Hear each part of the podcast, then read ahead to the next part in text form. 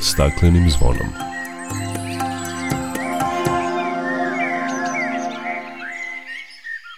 Dobar dan i dobrodošli na Zeleni talas prvog programa radija Radio Televizije Vojvodine. Ja sam Dragana Ratković. Onima koji slave Božić čestitamo praznik. Drvo je oduvek simbol odnosa čoveka i prirode. Jedan takav običaj je o Božiću kroz ritual unošenja badnjaka koje je najčešće hrastovo drvo. U današnjem izdanju emisije govorit ćemo o povezanosti čoveka i hrasta, simbolici u našem narodu, vrstama i zaštiti, o tome kako klimatske promene ovako tople zime na našim prostorima utiču na svet ptica. Ponovit ćemo i najlepšu himnu prirodi izrečenu mudrim rečima jednog izuzetnog čoveka, poglavice Sjetla, koju ponavljamo početkom godine u emisiji zbog njihove dubine i lepote, jer moraju naći mesto u našem pamćenju. O svemu tome nakon pozdravna pesma. Dok priroda kraj nas plače Za vladarskim svojim tronom Tužno vele narikače Pod staklenim nismo zvonom Znaj vazduha više nema Sve manje Protiv sebe ide čovek I to često bez pardona. Uništenju živog sveta Kao da su ljudi skloni Čovek sam je sebi meta Zbog njega ovo zvono zvoni Uništenju živog sveta Kao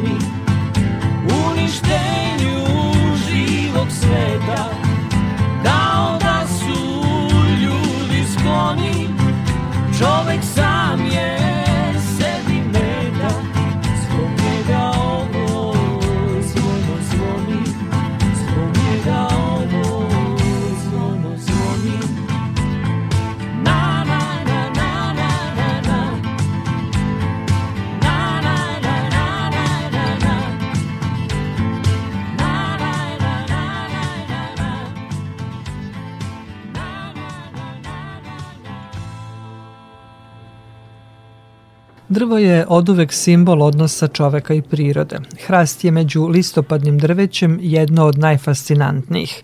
Odnos čoveka i hrasta ogleda se i kroz ritual unošenja badnjaka koje je najčešće hrastovo drvo.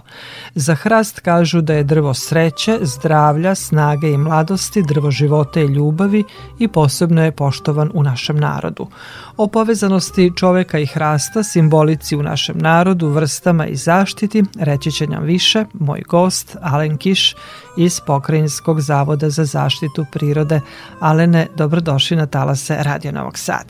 Dobar dan Dragana, prvo da kažem da mi je drago da vas ponovo vidim u vašoj emisiji. Da dođemo do simbolike hrasta u našem narodu, moramo prvo reći da veza između čovečanstva i hrasta traje duže od 30.000 godina. Hrast je inače e, jedna od najrasprostranjenijih vrsta drveća na planeti, znači na severnoj hemisferi, i zavisnosti od klasifikacije, odnosno e, sistematizacije, imamo e, negde između 450 do 600 vrsta hrastova. To zaista zvuči ovako impozantno. Tako je, u Srbiji imamo e, nekih deset vrsta hrastova. Najrasprostranjeniji je ovaj nizijski hrast ili hrast lužnjak, kojeg možemo videti u većini domaćinstava, odnosno kuće, kad uđemo i pogledamo dole parket kao i znači najkvalitetniji nameštaj koji se od njega proizvodi. Zatim tu je hrast kitnjak koji se nalazi u Šumadiji, hrast ladun, hrast cer, a poslednji je posebno značajan budući da zadržava lišće tokom zime i on je najčešće e, vrsta koja se koristi kao banjak. Ima izuzetnu simboliku u našem narodu, da li nam možete nešto reći o tome? Budući da toliko dugo traje veza između ljudskog roda i, i hrasta, ta simbolika je još od starih Slovena, budući da je hrast kao simbol snage, dugovečnosti i sveopšte moći bio posvećen Bogu Perunu, a nakon toga svakako i stabla zapisi kojih danas imamo mnogo po Srbiji su pre svega od dugovečnih vrsta. Hrast može da živi 700 godina. Recimo u Bosudskim šumom i danas imamo stabla hrasta koja su preko 400-450 godina stara. Znači možete zamisliti koliko taj hrast pamti istoriju ako pogledamo sa ovih, sa ovih prostora. Rekli ste na našem prostoru ima 10 vrsta uh, hrasta, na području Vojvodine je to autohtona vrsta, ali zašto imamo sve manje i manje hrastovih šuma? Šume hrastova su vrlo osjetljive. Vi znate da je hrastov plod žir. Znači on ima seme koje je veoma teško, koje ne može vetar nositi kao recimo javore, kao brezu, kao topole i on se uglavnom razmnožava tu, oko samog materinskog stabla ili ako ga recimo ptice ili neke druge životinje prenesu kad prave sklonište kao što su veverice, kao što je krej i tako dalje, ali generalno se on ne može tako daleko obnoviti prirodno i proširiti kao što to mogu recimo breza, topole i tako dalje. I sad činjenica je da je hrast izuzetno vredno drvo i da njegovom sečom, znači sečom šuma, bilo pojedinačnih stabala ili tako dalje, ne može se desiti da se on tako brzo i lako obnovi kao što recimo mogu topole i druge vrste. Moramo se vratiti malo nazad na ovu vezu između čovečanstva i hrasta, pa po nekim istraživanjima, recimo nakon glacijacije, čovek je bio taj koji je pomogao hrastu da se ponovo vrati i da osvoji prostore. Vi znate da je recimo hrast ne samo kao građevinski materijal, nego je e, žir buduće da je izuzetno kaloričan, ima puno masti, ima kalijuma, gvožđe, fosfor i tako dalje, on je predstavljao u kamenom dobu jednu od glavnih izvora hrane i čovek ga je svugde nosio. Nosio je žir sa sobom i sadio ga je. A recimo u doba rimske carevine, ona sela koja su i one, oni gradovi koji su imali velike hrastove šume bile su bogate, jer tada nije bilo kukuruza, nije bilo žitarica. Znači, glavna hrana u tom periodu za stoku je bio žir pa se čak i veličina šume iskazivala po tome koliko može stoke i svinje da ishrani. I sad kad pogledamo znači tu vezu, znači da je žir predstavljao jednu od najznačajnijih namirnica, koji do duše zbog velikog sadržaja tanina mora da se ispere iz, ili iskuva iz sedam voda, ili kako su to nekad radili naši daleki preci, da ga stave u potok i drže mesec dana dok se tanini ne isperu, da onda su ga kuvali, a danas recimo znate da imamo jako lepu kafu od žira, koja se pravi i na našim prostorima i zbog svojih lekovitih svojstava, znači ona jednostavno okrepljuje i obnavlja neke životne procese, da kažemo, u našem organizmu. Zašto se izgubila ta veza između čoveka i hrasta i zašto više ne postoji ta međusobna povezanost da ga čovek koristi ili da ga poštuje i neguje? Suviše smo postali zavisni od nekih, da kažemo, modnih trendova, od nekih drugih materijala, međutim nesvesni smo, svako ko pogleda u, u svojoj kući može videti neki predmet od hrastovine. I ljudi nisu svesni toga kao što recimo mnogi koji su odrasli u gradovima nisu svesni da hleb ne raste u pekari nego na njivi. Pa isto tako i taj nameštaj, najkvalitetniji, najskuplji, rastu u tim hrastovim šumama. Recimo, čuveni francuski konjak i vina su u 19. veku bili skladišteni u bačve koje su dolazile od sremske hrastovine preko 10 miliona najvrednijih, najkvalitetnijih dasaka je otišao za Francusku za proizvodnju francuski buradi. U tom periodu svi su bili svesni koliki je značaj. Od hrasta se pravila šindra za pokrivanje krovova kada ne je bilo crepe, to je vrsta koja je izuzetno trajna. Recimo, sremski graničari, kada su odlazili u, u boj za vreme Austro-Ugrske carevine, oni su kuće i svoje obore i sve imali od hrastovine, jer nisu znali kada će se vratiti, a hrastovina može da traje 20, 30, 50 godina napolje potpuno nezaštićena za razliku recimo od bukve koja ne može da izdrži ni šest meseci. Da li možda zbog te svoje široke upotrebe i te dugotrajnosti je hrast i nestao s ovih naših prostora? Generalno su šume sa prostora Panonije i da kažemo Vojvodine nestale zbog toga što je tokom industrijske revolucije i generalno industrializacije i razvoja poljoprivrede šume su iskrčene za potrebe podizanja oranica, uspostavljanja oranica. Tako da nije samo hrast, ali problem sa hrastom je što se sporo obnavlja. To su fragilne šume, posebno osetljive na razne bolesti, recimo postoje bolesti koji su unete sa drugih kontinenta koje hrast lužnjak ne može samostalno da se obnavlja u nekim rezervatima. Imamo recimo šumske rezervate na prostoru Bosutskih šuma gde ni jedna jedinka hrasta nije se sama obnovila za poslednjih 70 godina iako čovek nije ulazio unutra. U pitanju je jedan parazit hrastovo pepelnice koja mu blokira lišće i sprečava ga da proizvodi hranu, odnosno da vrši fotosintezu. Tako da hrastovi ne možemo reći da su nestali, a moramo isto tako biti svesni da su neki istraživači koji su se bavili vegetacijom u ovim nizijskim područjima utvrdili da hrast od prirode redko kada u jednoj šumi čini više od 30% drvne mase, a mi danas znamo da su najkvalitetnije hrastove šume pa otprilike se neki 70% do 80% gde drvnu masu čini hrast. I to je čovek svojim radom znači usmerio zato što najveću upotrebnu vrednost ima hrast. Hrastovo drvo, svi znamo da je ono izuzetno cenjeno i da se najviše od toga izvozi. Drvo koje je izuzetno cenjeno, drvo koje se teško samo obnavlja, kojemu je potrebna pomoć, ali i tekako dugovečno. Pa kako i na koji način Pokrajinski zavod za zaštitu prirode pomaže da na neki način očuvamo hrast. Hrastove šume predstavljaju jedan od prioritetnih tipova staništa Republike Srbije i one su određenim propisom na taj način zaštićene. Sam propis ih e, ne šteti od korišćenja, nego od njihovog uništavanja, odnosno od krčenja. Tako da šume kojima se redovno, da kažemo, ekonomski gazduje, bilo da su šume hrasta lužnjaka, hrasta kitnjaka u centralnoj Srbiji ili drugih vrsta hrastova, se mogu znači planski koristiti u skladu sa zakonom o šumama i drugim propisima, ali se moraju i obnoviti, znači na mesto posečene šume mora se podići ponovo takva šuma. Kad ali za podizanje hrastove šume potrebno je, da tako kažem, više od 50 godina. Tako je, te šume dugo žive, ali se sporo razvijaju i da bi predstavljale značajno stanište za mnoge divlje vrste, jer one su pre svega hrana za divljač, potrebno je da prođe najmanje 50 godina da bi jedan hrast došao u svoju snagu optimalnu kada može da, da daje žir i onda naravno da tako u toj svojoj snazi narednih 200 ili 300 godina u zavisnosti od položaja, od toga kako se ta šuma koristi, da možeš da pruža sve koristi živom svetu. Rekli ste da je e, hrast dugovečan, da može da živi i do 600 godina. Imamo i neka pojedinačna stabla hrasta koja su i tekako dugovečna, koja su pod zaštitom. Ljudi su, kao što sam rekao, od uvek bili vezani za hrast. Možete vidjeti jako lepe hrastove na crvnim stanicama pored velikih reka i mnoga od tih stabala su zaštićene. Obično su to bila stabla u dvorištima ljudi koji su e, brinuli o nasipu, odnosno o, o toj crpnoj stanici.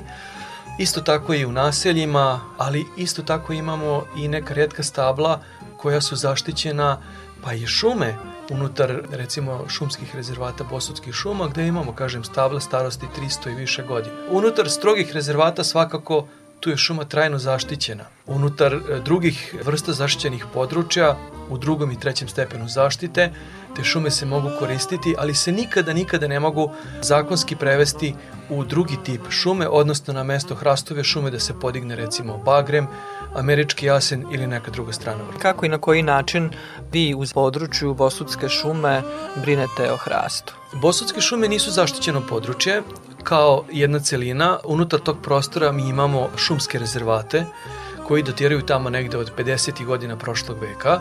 i svako to područje ima svoj akt o zaštiti kojim je tačno propisano šta sme i šta ne sme da se radi, prave se planovi upravljanja, vrši se monitoring, praćenje stanja i po potrebi ukoliko se javi neki problem, onda se po posebnom programu može intervenisati da se očuva hrastova šuma kao temeljna prirodna vrednost. Kako klimatske promene utiču na stanje hrastovih šuma? Hrastovi su kao i druge vrste drveća veoma osetljive na sve promene u, u prirodi. Svaki od ovih vrsta hrastova ima tačno mesto i položaj u odnosu na tip staništa. Lužnjak se nalazi tamo gde su reke, kitnjak se nalazi u brdskom području, cer i sladun se nalaze na južnim toplim padinama, kao i hrast medunac. I sa svakom promenom prosečnih i maksimalnih temperatura dolazi do pomeranja vrste i to je veoma, veoma značajno u borbi protiv klimatskih promjena. Inače i Srbija trenutno radi na izradi određenih planskih dokumenta koji sagledavaju i analiziraju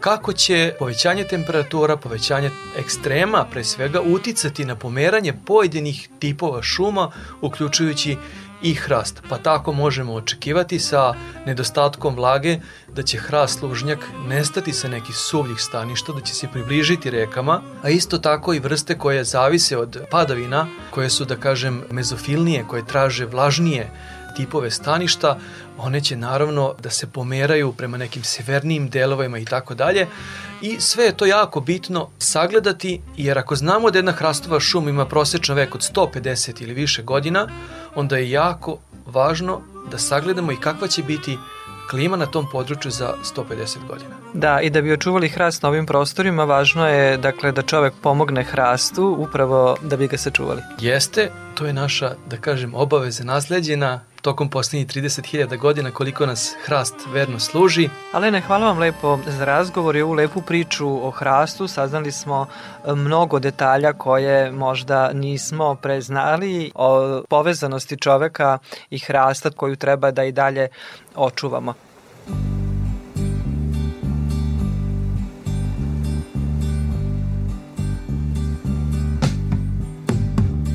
sitting in the morning sun. And I'll be sitting when the evening comes. So just watching the ships roll in. And then I'll watch them roll away again.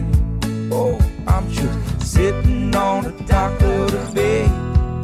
Watching the tide roll away. Ooh, sitting on the dock of the bay, time. I left my home in Georgia, headed for the Frisco Bay, cause I had nothing to live for. And look like nothing's gonna come my way. So I'm just a sitting on the dock of the bay, watching the tide roll sitting on, sitting on the dock of the bay, I'm wasting time.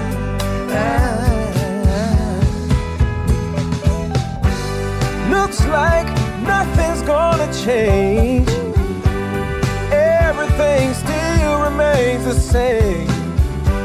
I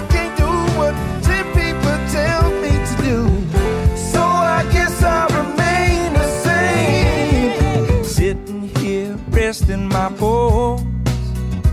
This loneliness won't leave me alone. So, 2,000 miles I roam just to make this dock my home. Now I'm just gonna sitting on the dock of the bay, watching the tide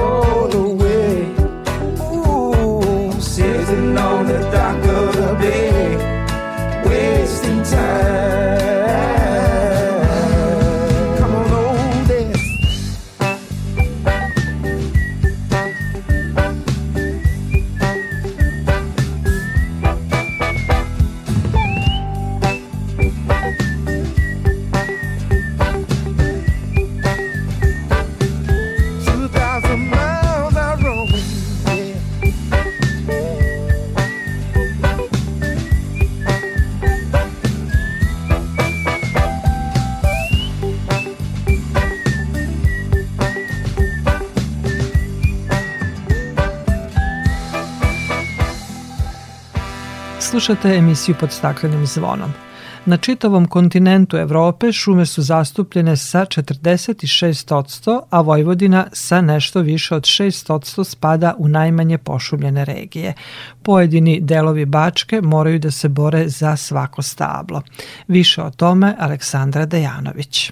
U skladu sa standardima razvijenih zemalja, optimalna površina pod šumom je 0,16 hektara po stanovniku, pa bi prema tome šume u Vojvodini trebalo da zauzimaju površinu od oko 300.000 hektara, a trenutno nema ni upola toliko. Među čak 14 lokalnih samuprava u kojima je stepen šumovitosti ispod 1% su i Vrbas i Srbobran, rekla je Ivona Kerkez-Janković, istraživač saradnik sa Šumarskog fakulteta u Beogradu. Vojvodina ima negde pošumljenost oko 6 ili ispod 6%, a što se tiče same opštine Srbobran, ona ima pošumljenost ispod 1%, što je čini drugom najmanje pošumljenom opštinom u celoj Vojvodini. Ukupno po zvaničnim podacima ima oko 16 hektara šume. Plan koji je rađen 2000 2016. godine jeste da se pošumljenost opštine poveća na 2,6%. U opštini Srbobran je nedavno prostor na kome se nalazila divlja deponija oplemenjen sa više od hiljadu sadnica preko projekta Ministarstva zaštite životne sredine, istakla je državna sekretarka Sara Pavkov.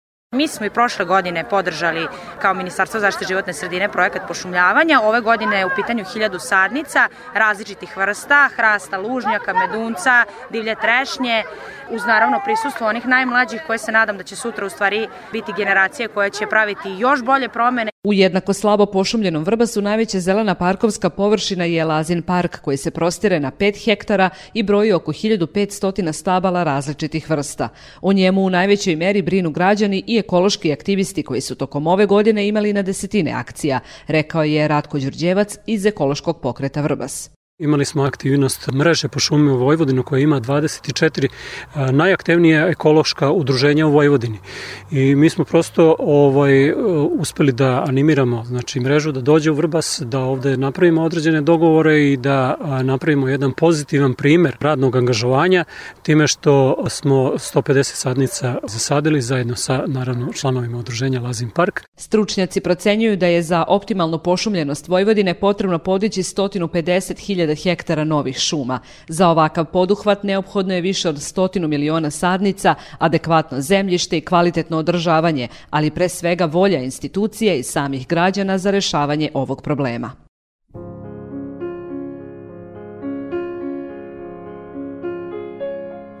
Don't cry, snowman, not in front of me.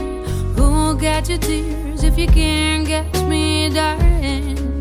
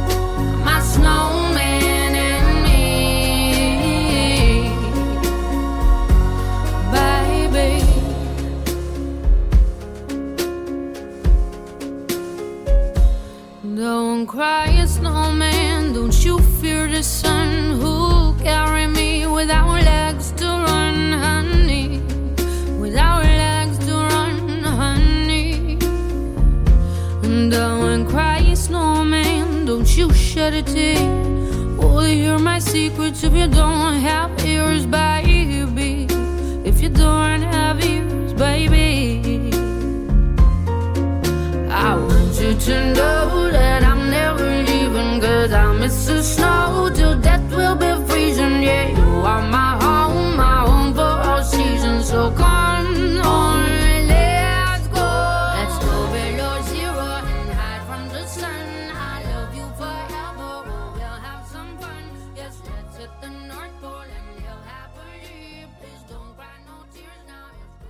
Slušate emisiju pod staklenim zvonom.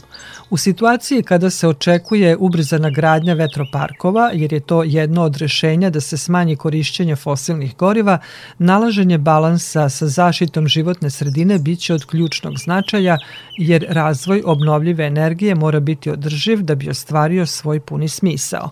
Poslednje aukcije za vetroparkove u Evropi idu u ovom pravcu, pa više vrednuju zaštitu biodiverziteta od finansijskih ponuda investitora. Iako je Australija zemlja koja nije poznata kao veliki pobornik obnovljivih izvora energije, dobrim delom jer je veliki proizvođač i izvoznik uglja, australijska vlada je zbog papagaja ograničila rad vetroparka. Vetroparkovi mogu veoma negativno da utiču na ptice, od toga da im uništavaju staništa i teraju ih da se sele do ubijanja, ali vlade različitih država se različito ponašaju prema ovim posledicama. Nadležni u Australiji u slučaju projekta izgradnje vetroparka snage 900 MW na ostrvcetu Robins pored ostrava Tasmanija, nisu imali dilemu. Dali su odobrenje za gradnju, ali samo ako u vreme migracije papagaja sa naranđastim stomakom ne budu radila. Australijska vlada ranije je proglasila papagaja naranđastog stomaka kritično ugroženim, pa je njegova zaštita jedan od uslova koji se mora ispuniti da bi se dobilo odobrenje za gradnju elektrane na vetar. U izveštaju o proceni uticaja na životnu sredinu Parka obnovljive energije na ostrvu Robins Uprava za zaštitu životne sredine Tasmanije navodi da su spremni da odobre ovu investiciju sve dok mogu da zaštite pomenutu vrstu papagaja. Ukoliko nije drugačije odobreno u pisanoj formi od strane uprave, svi vetrogeneratori moraju biti ugašeni za vreme migracije papagaja od 1. marta do 31. maja i od 15. septembra do 15. novembra, navodi se u dokumentu. Papagaji se gnezde na Tasmaniji, a zimu provode na južnim obalama kontinentalne Australije. Čitajući odluku Uprave za zaštitu životne sredine Tasmanije, mnogi su se odmah setili slučaja iz Sjedinjenih država iz aprila ove godine, gde zaštita ptica izgleda nije bila u prvom planu. Zbog toga je sud posle tužbi morao da kazni investitora jer su njegovi vetroparkovi tokom 8 godina rada ubili najmanje 150 orlova.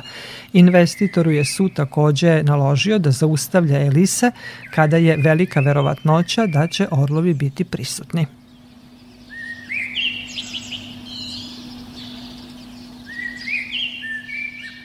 Na globalnom nivou borba protiv klimatskih promena i zaštita biodiverziteta su dva problema koja se u poslednje vreme sve više ističu.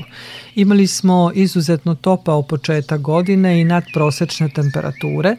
Klimatske promene su, dakle, očigledno na delu. Kako ovako topla zima utiče na ptice, reći će nam Dimitrije Radišić sa Prirodno-matematičkog fakulteta. Dimitrije, da li ovako toplo vreme u decembru i početkom januara utiče na svet ptica, drugim rečima koliko klimatske promene utiču na ptice? Većina ptica koje mi vidimo zimi se snalazi. U pitanju su uglavnom vrste koje su kod nas ostale, koje se nisu selile dalje. To su one ptice koje mi nazivamo stanaricama. Zapravo su to vrste koje u stvari provode zimu u našem podneblju i koje su došle sa raznih strana. Imamo i naravno jednike koje su iz ovih krajeva, ali i mnoge druge koje su stigle iz drugih delova Evrope, Azije i slično. I uglavnom su u pitanju dakle vrste koje nalaze način da prežive hladan period, mnogi od njih u zimi zato dolaze u gradove, sela bliže ljudima i slično i tada mi njih primećujemo. I ono što je posebno u ovakvim okolnostima je da mi neke od ptica koje inače primećujemo svake godine u ovo vreme ne vidimo. Mnogi ljubitelji ptice koji hrane ptice recimo u svojim dvorištima koji redovno svake godine ostavljaju neku vrstu hrane primećuju da je ove godine ptica manje i manje, odnosno da, je, da, da ih nema koliko ih je bilo nekih ranijih godina I ovako prvo objašnjenje bilo bi da je to zbog toplog vremena. Međutim, moramo da kažemo da su u prirodi pojave mnogo komplikovanije i, i da u stvari to što je ptica na nekom mestu manje može biti posljedice raznoraznih stvari. Toplo vreme, odnosno odstupanje od normalnog vremena i normalnih vremenskih obrazaca može biti samo jedno od tih. Recimo, mnoge od tih ptica koje hranimo, koje često viđamo u našim dvorištima, su u stvari neke od evropskih najbrojnijih vrsta, kao na primjer, ne znam, velika senica, plava senica, obična zeba, zelentarka, recimo kod tih ptica e, uočljive su pojave epidemije. I one imaju kao i na kraju kraju i ljudi, odnosno kao i sve druge vrste, imaju velike epidemije i ponekad su one dovoljno snažne da one značajno smanje procenat populacije, odnosno na mestima gde se njihove populacije detaljno prate mogu se videti velike odstupanja koja se dese nakon toga što ptice obole od epidemije to uglavnom su bolesti koje su opasne za nas, to su bolesti koje uh, utiču na njihove populacije, ali eto, zanimljivo je da je neke od tih najbrojnijih ptica u stvari mogu biti podložne jako naglim promenama koje se dešavaju usled bolesti. Iako mnogo o bolestima životinja znamo, mi ne znamo mnogo o tome kako one deluju u divljim populacijama. Zanimljiv deo priče je da upravo o tome otkrijemo zahvaljujući posmatračima ptica, upravo tim ljubiteljima koje ptice hrane i koji onda odjednom počnu da primećuju bolesne jedinke ili počnu da primećuju veće uginuće ptice i slično. Tako da te promene koje vidimo mogu biti posledice recimo takvog nekog događaja. S druge strane, definitivno je da se vreme menja i to što mi vidimo kao neobične vremenske pojave jeste deo priče o klimatskim promenama. Mi često klimatske promene zamišljamo kao neki usmereni proces da će odjednom postati toplije ili će kroz duži vremenski period postati sve toplije i toplije. To ne mora da znači. Promene klime dovode do poremećaja ustaljenih vremenskih obrazaca i ovaj jako topli, jako hladni talasi mogu biti deo toga.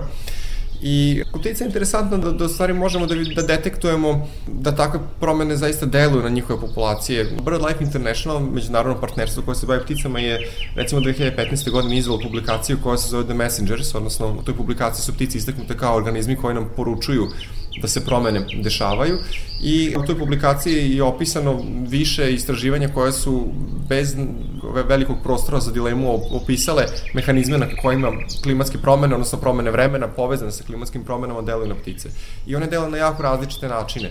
Jedna od njih je to da, recimo, ptice koje su selice, danas se vraćaju na svoja gnezdilišta u proleće u periodu koji nije suviše odgovarajući. Možda one ne bi uginule zbog suviše hladnog ili jako toplog vremena, ali recimo promašuju periode kada su insekti kojima se hrane najbrojniji. I to možemo da vidimo poslednjih nekoliko decenija efekat na njihove populacije zbog toga. Jedan dosta onako očigledan primjer je da ptice menjaju svoje rasprostranjenje u našim brdskim planinskim krajima mi vidimo da se one pomeraju u pogledu visinskih zona, a, vidimo da ptice polako nestaju iz nekih delova Evrope, ne, neke nove vrste se pojavljuju, neki naučni radovi danas govore o tome da li su delovi Južne Evrope postali jako povoljni za vrste koje su poreklom iz Afrike. Danas sa puno podataka možemo da se sofisticirano ispratimo da li se stvarno ptice pomeraju na sever ili ne, ako se ne pomeraju na sever, odnosno ako se ne pomeraju tamo gde im je klima sada povoljna, zbog čega se to ne, ne, ne dešava, koji su to ekološki faktori koji ih u tome sprečavaju. Tako da postoji jako mnogo dokaza da se promene dešavaju. Nisam siguran da mi možemo ovako na posmatrajući ptice toko mesec dana u Novom Sadu da, da, da zaključimo mnogo o tim promenama, ali s druge strane te promene koje vidimo mogu biti deo te jedne šire slike ovaj, koja je povezana sa nečem što de, dešava širom sveta i što hm, može imati prilične posledice na biodiverzitet. Ono što možemo primetiti poslednjih nekoliko godina to je da se u našim prostorima zadržavaju ptice koje su inače selice, ali zbog toplog vremena i tople zime ostaju ovde da prezime. To jeste tačno, to je u stvari dosta dugoročni trend i, i, i možemo da ga primetimo širom Južne Evrope. Te pojave su nama jako zanimljive, postoji i verovatnoća da ih nekad ranije nismo primećivali, bar deo tih pojava, ali sigurno je da se stvari menjaju. Primjer radi, danas je sve više belih roda koje ne odlaze da se sele na jug i to je onako interesantno jer mi obično ovaj, zamišljamo da su jel da, rode ptice koje se sele na jug i oni su nam vesnici proleća ili vesnici jeseni, a to je nešto se menja. Recimo pre nismo viđali u tolikom broju koje... Tako koji... je, to je jed, takođe jedna od promena. Možemo da vidimo kod svih tih ptica vodenih staništa jako drastične promene njihovim područjima zimovanja. One jesu povezane i sa drugim faktorima kao što su smanjenje njihovih populacija, ali jesu i sa vremenom. Tako da takvih promena ima, ima zaista mnogo i one su nepredvidljive, zato što svaka od vrsta ima svoje specifične mehanizme kako se sele. Postoje ptice koje se sele jako, da kažemo, po konzervativnim obrazcima. Recimo, dužina dana je njihov orijentir i one su fiziološki baždarene da se sele pri određenoj dužini dana i u tim okolnostima ukoliko se vreme menja, to je nešto što njima jako kvari njihove planove, odnosno jako se ne uklapa u njihov biološki sat. Postoje recimo vrste koje imaju jako ustaljene migratorne pravce i u slučaju kada se duž tih migratornih pravaca vremenski uslovi menjaju ili se menjaju vremenski uslovi u kombinaciji sa staništima, tada dolazi do pričnog katastrofalnih posledica. Mnoge vrste koje su ptice vodenih staništa ili ptice koje se odmaraju na barama, močvarama i tako dalje, danas jako stradaju zbog toga što se Sahara širi, što imamo uh, loše vremenske uslove u periodu njihove sobe, oni jednostavno ne uspevaju da realizuju taj jako zahtevni deo životnog ciklusa. S druge strane imamo i vrste koje će naravno toga profitirati. Za, za, za neke vrste je odlično što je sada ne moraju da se ocele u Afriku ili ne moraju da, da se sele negde drugde i mogu da sačuvaju silnu energiju tako što će preživeti u našim krajevima, ali mi dosta teško možemo da predvidimo šta je ono što će se desiti ovaj, u, u tim okolnostima.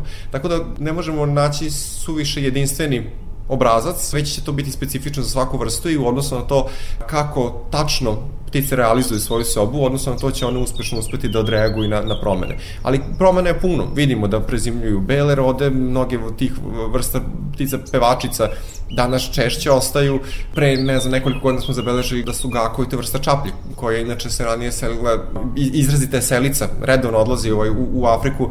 Pre nekoliko godina one su pokušali da prezime i prezimili su zapravo i to čak u naseljenom mestu zajedno, zajedno sa sobom, što je bilo onako iznenađenje, jedan nevjerojatan ornitološki raritet. Tako da takvih pojava, kažem, ima mnogo, ovaj, zanimljivo ih je popisivati i tek kad ih stavimo na gomilu, kad ih počnemo tumačiti u, u kontekstu vremenskih prilika širom kontinenta, e, situacije koja se dešava van naše zemlje, van našeg neposrednog okruženja, onda možemo da razumemo šta te pojave znače. Naučnici kažu da do kraja ovog veka da će upravo zbog klimatskih promena negde preko 20% vrsta nestati upravo zbog ovoga o čemu ste vi govorili, pretpostavljamo da se tu to odnosi i na ptice.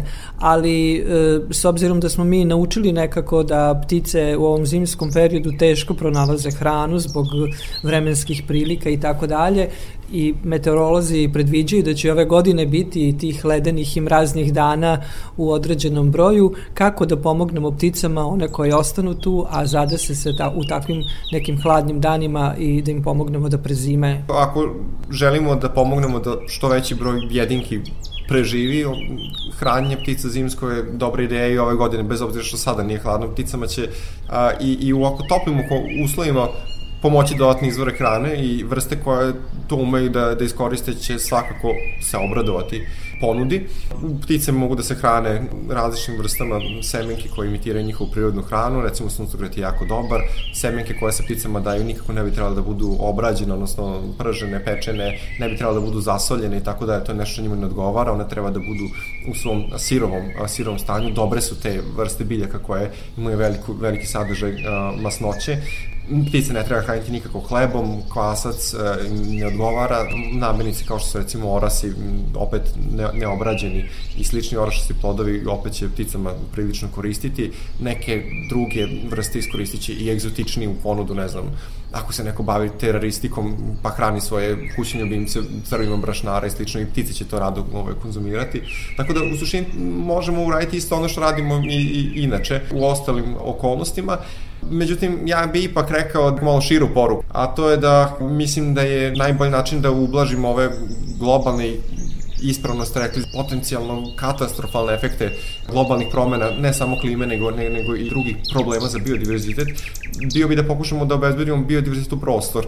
Ukoliko nekako uspemo da ostavimo dovoljne površine koje će biti prirodnih staništa, ukoliko sačuvamo naša zaštićena područja, ukoliko sačuvamo i ole visok stepen njihove prirodnosti, ukoliko u našim naseljenim mestima uspemo da sačuvamo bar zelene površine koje imitiraju prirodne stanište, koje mogu biti nekako utočište u toku zimskog perioda i to, mislim da smo tada na dobrom putu da pomognemo biodiverzitetu.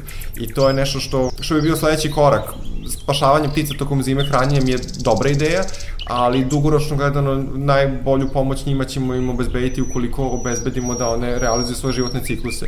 Mi u stvari danas znamo da je biosfera ili biodiverzitet, kako ste rekli, biološka raznovrsnost, to je u stvari neka vrsta bafera, nekog ublaživača efekata koji imaju raznorazne fizičko-meteorološke sile na našoj planeti i u stvari očuvana vegetacija, očuvan biljni pokrivač, sačuvane veze između vrsta koje postoje u ekosistemima, svim ekosistemima, da li u okeanima, da li u rekama, da li u, u, u močvarama, šumama i tako dalje to je ono što obezbeđuje stabilnost. Ono, primjera je zaista bezbroj. Šume koje se ne diraju su te koje su najstabilnije. Kako god da okrenete, okeani u kojima imamo sve članova ekosistema od onih najmanjih ovaj, planktona do najvećih kitova su oni koji mogu da odgovore na, na, na raznorazne promene i to se odnosi isto na stanište koje se nalaze u našoj okolini. Tako da, pored toga što postičem građane da pomognu pticama, ja zaista ovaj, postičem to da, da, da pokušamo da zajedničkim snagama sačuvamo prirodu što je, što je očuvanije mogućem obliku. Da,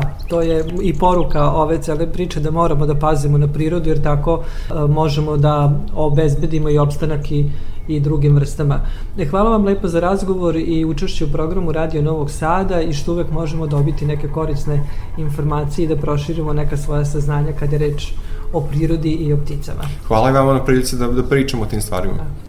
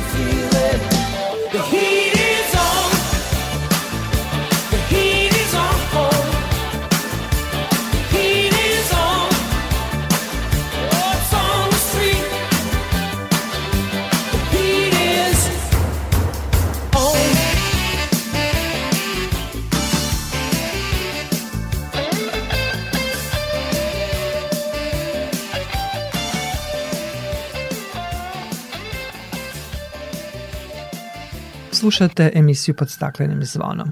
Svi ste čuli za pismo indijanskog poglavice Sijetla koje predstavlja, kako kažu, manifest duhovno superiornih domorodaca nad osvajačima sa primitivnim odnosom prema majci prirodi. Predsednik Sjedinjenih američkih država Franklin Pierce ponudio je 1854. godine da država otkupi veliki deo indijanske zemlje, a indijanskom narodu je obećao rezervat.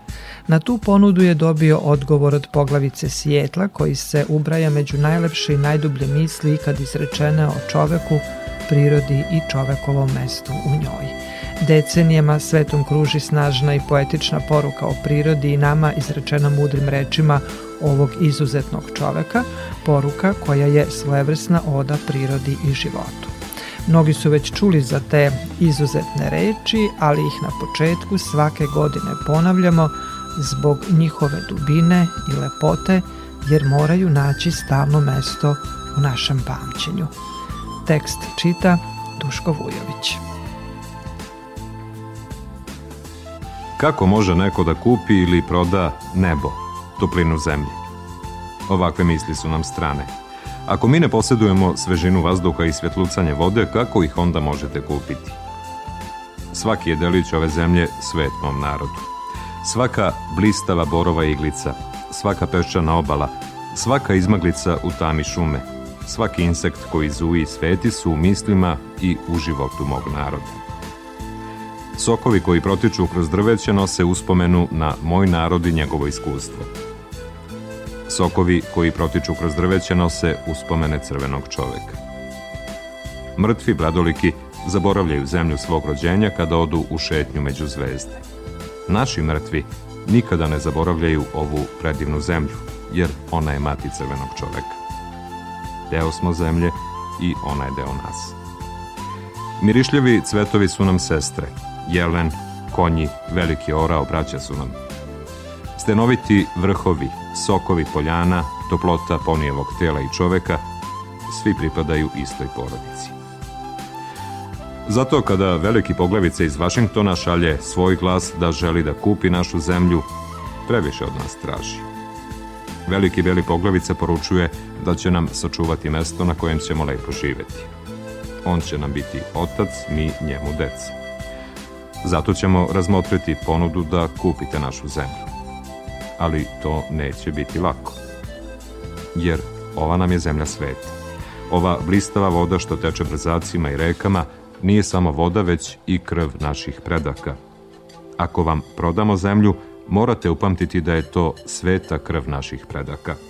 Ako vam prodamo zemlju, morate upamtiti da je ona sveta i morate vašu decu naučiti da je ona sveta i da svaki čarobni odsjaj u bistroj vodi jezera govori nešto o događajima iz života mog naroda.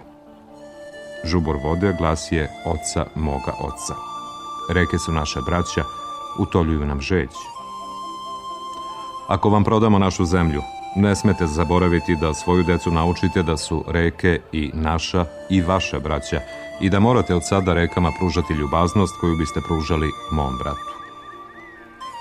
Znamo da beli čovek ne razume naš način života. Njemu je jedan deo zemlje isti kao i bilo koji drugi, jer je on stranac koji dođe noću i uzme od zemlje sve što mu treba. Zemlja mu nije brat, već neprijatelj i kada je pokori, on kreće dalje. Ostavlja za sobom grobove svojih očeva i ne mari zbog toga. Oduzima zemlju svojoj deci i nije ga briga. Zaboravlja grobove svojih otaca i prava koja su njegova deca stekla rođenjem. Prema majci zemlji i prema svom bratu odnosi se isto kao prema stvarima što se mogu kupiti, opljačkati, prodati poput stoke ili sjajnog nakita. Njegova će pohlepa uništiti zemlju i za sobom ostaviti pustoš. Ne znam. Naš način života razlikuje se od vašeg. Od pogleda na vaše gradove crvenog čoveka zabole oči. Ili to je možda zato što je crveni čovek divlji i ne razume stvari. U gradovima belog čoveka nema mirnog kutka.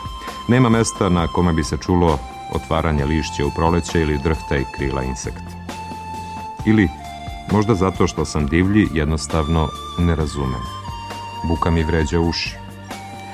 Šta vredi život ako čovek ne može čuti usamljeni krik kozoroga ili noćnu prepirku žaba oko bare?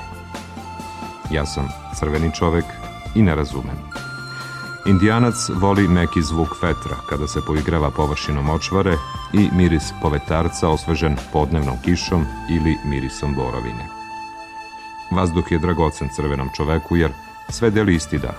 Životinja, drvo i čovek. Svi dele isti dah.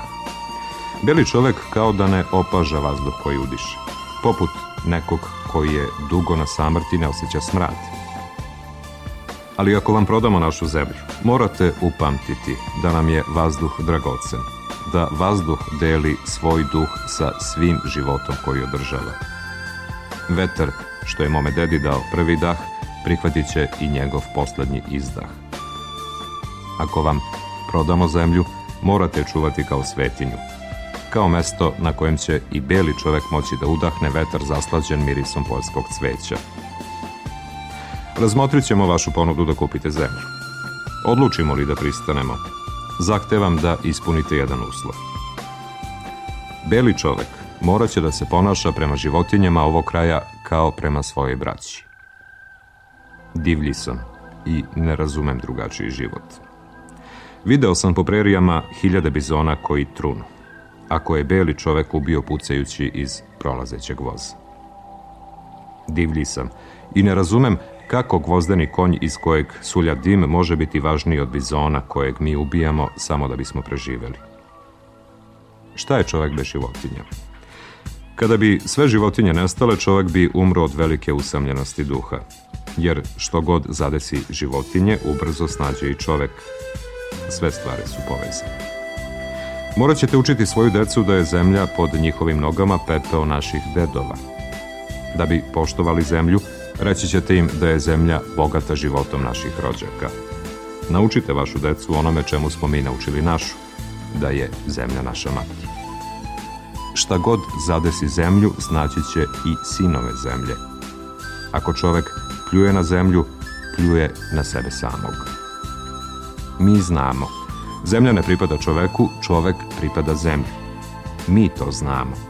Sve stvari su povezane kao što je porodica krvlju sjedinjena. Sve stvari su povezane.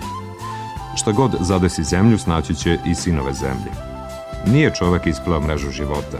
On je u njoj samo puka nit. Šta god da učini toj mreži, čini sebi. Čak ni beli čovek, čiji Bog istupi i govori sa njim kao prijatelj sa prijateljem, neće izbeći zajedničku sudbinu. Ipak, možemo biti braća. Vidjet ćemo. Jedno znam sigurno, a to će i beli čovek možda jednom shvatiti. Naš Bog je isti Bog. Možda sada mislite da njega možete posjedovati kao što želite da posjedujete našu zemlju, ali ne možete. On je Bog ljudi i njegova je milost jednaka za crvenog i za belog čoveka. Ova je zemlja njemu dragocena i ako je oskrnavite, kao da ste prezreli njenog stvoritelja. Belog će čoveka nestati, možda i pre ostalih plemena, ali u svom nestajanju zaslepljujuće ćete svetleti ognjem Boga koji vas je doveo ovamo i s nekom neobjašnjivom namerom dao vam vlast nad ovom zemljom i crvenim čovekom. Ta sudbina je za nas misterija. Ne razumemo zašto se ubija bizon, zašto se krote divlji konji, zašto je u dubini šume toliko ljudskih tragova, zašto je pogled na zelene bregove zaprljan žicama što govore. Gde je gusta šuma? Nestala je. Gde je orao? Odleteo. Življenju je kraj. Počinje borba za opstanak.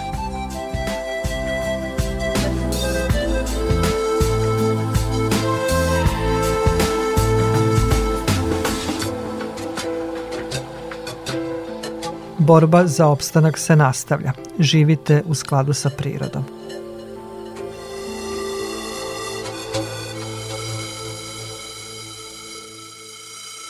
Toliko u ovom izdanju emisije pod staklenim zvonom koju možete slušati i odloženo na podcastu Radio Televizije Vojvodine na adresi rtv.rs.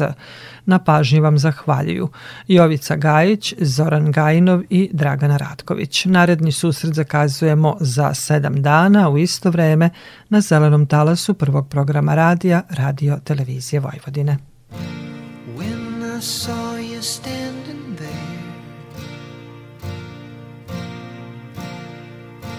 About fell out my chair And when you moved your mouth to speak. I felt the blood go to my feet. Now it took time for me to know what you tried so not to show.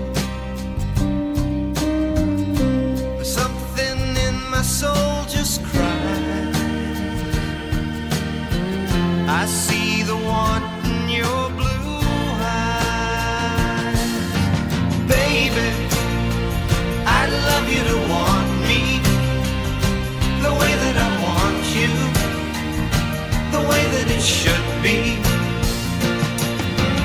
Baby, you'd love me to want you the way that I want to. If you'd only let it be. You told yourself years ago you'd never let your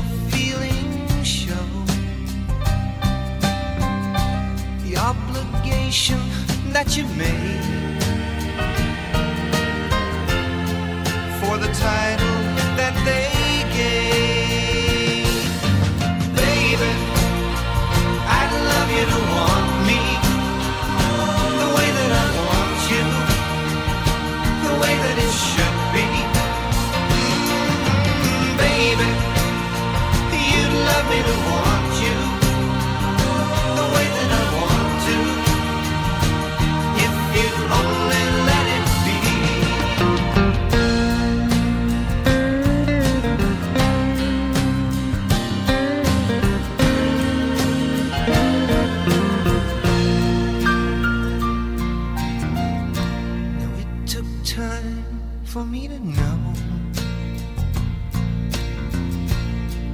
what you tried so not to show. Now something in my soul just cried. I see the want in your blue eyes, baby. I'd love you to want me the way that I want you, the way that it should be.